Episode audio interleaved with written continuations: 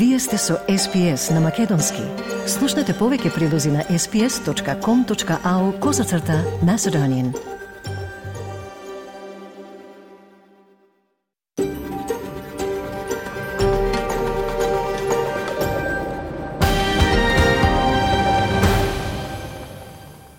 Преспанскиот договор е во согласност со македонскиот устав, па Уставниот суд по пет години едногласно одлучи да не поведе постапка за оценување на уставноста на законот за ратификација на договорот со кој се смени уставното име на Македонија.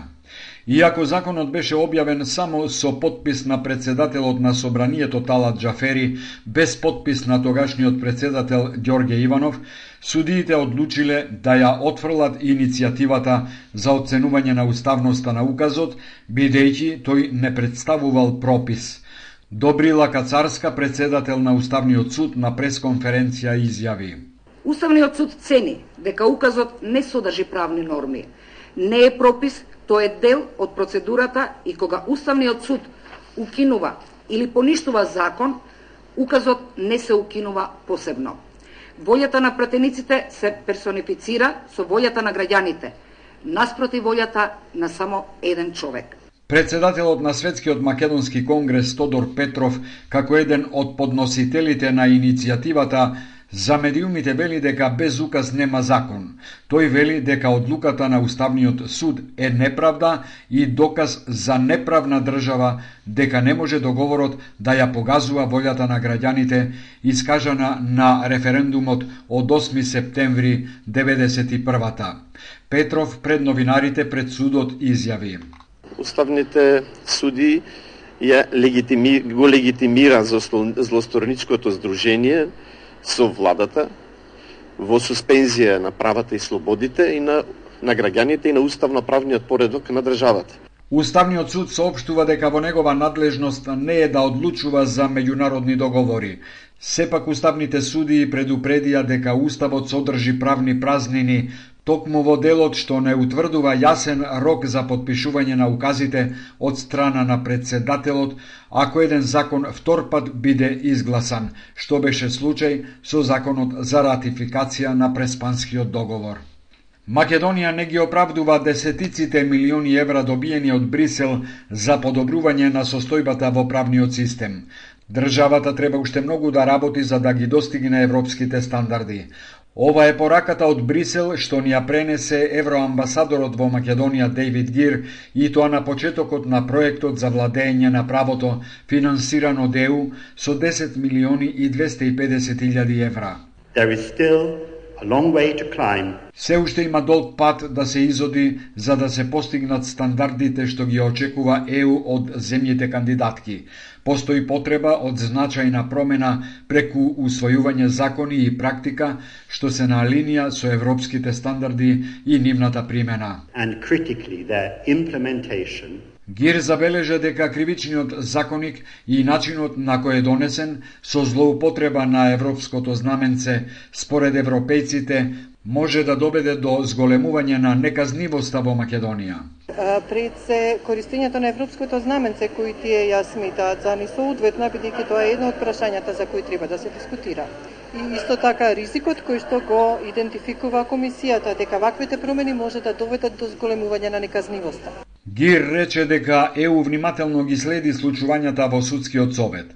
Оценската мисија ќе остане до следната недела, пошто ќе се врати во Брисел за пред Европската комисија да поднесе извештај за тоа што е регистрирано во Македонија.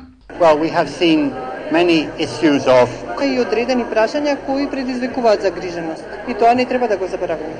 Едно од тие прашања се случувањата во тек на летото во судскиот совет, и како резултат на тие случувања ние распоредивме тука една мисија составена од колеги која што е задолжена да даде препораки за подобрување на интегритетот и професионалноста. Предходно и САД повикаа на борба против корупцијата и деполитизирање на судството, а исто така и американските представници во нашава земја забележаа дека огромни суми се вложуваат во Македонија за владење на правото.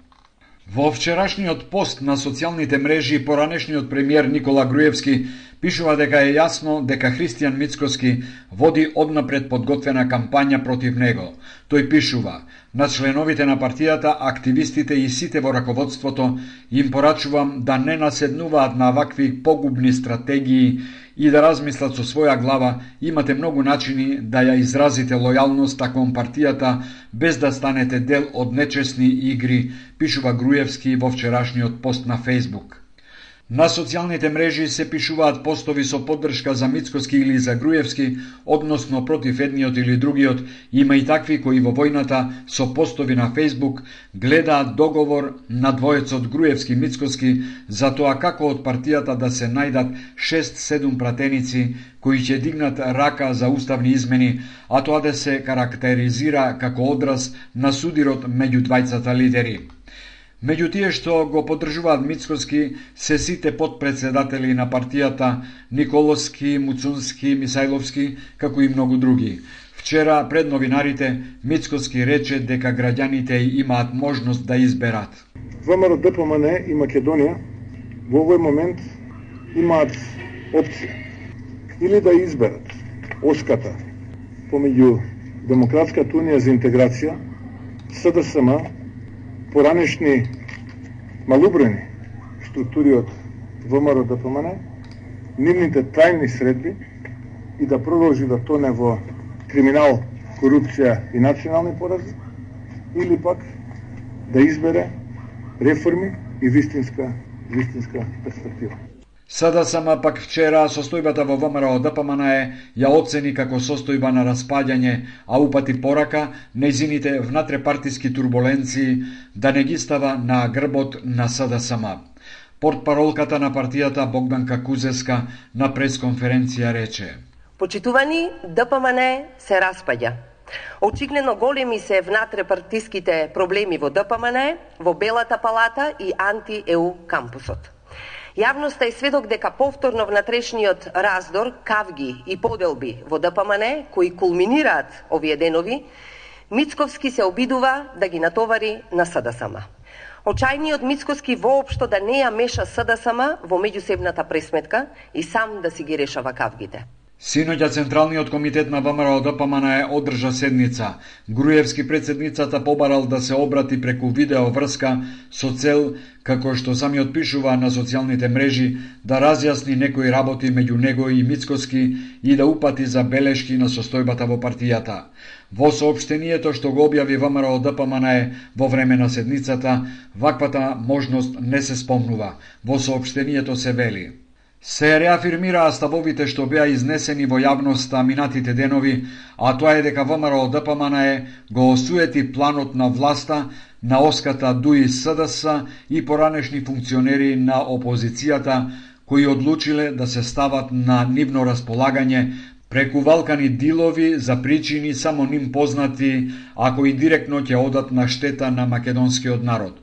Дополнително се потврди силната кохезија што ја има пратеничката група на ВМРО ДПМН и коалицијата од почеток до крај сите 44 пратеници, а во однос на неприфаќање на уставни измени под бугарски диктат се вели во сообштението на ВМРО ДПМН издадено во време на седницата на Централниот комитет.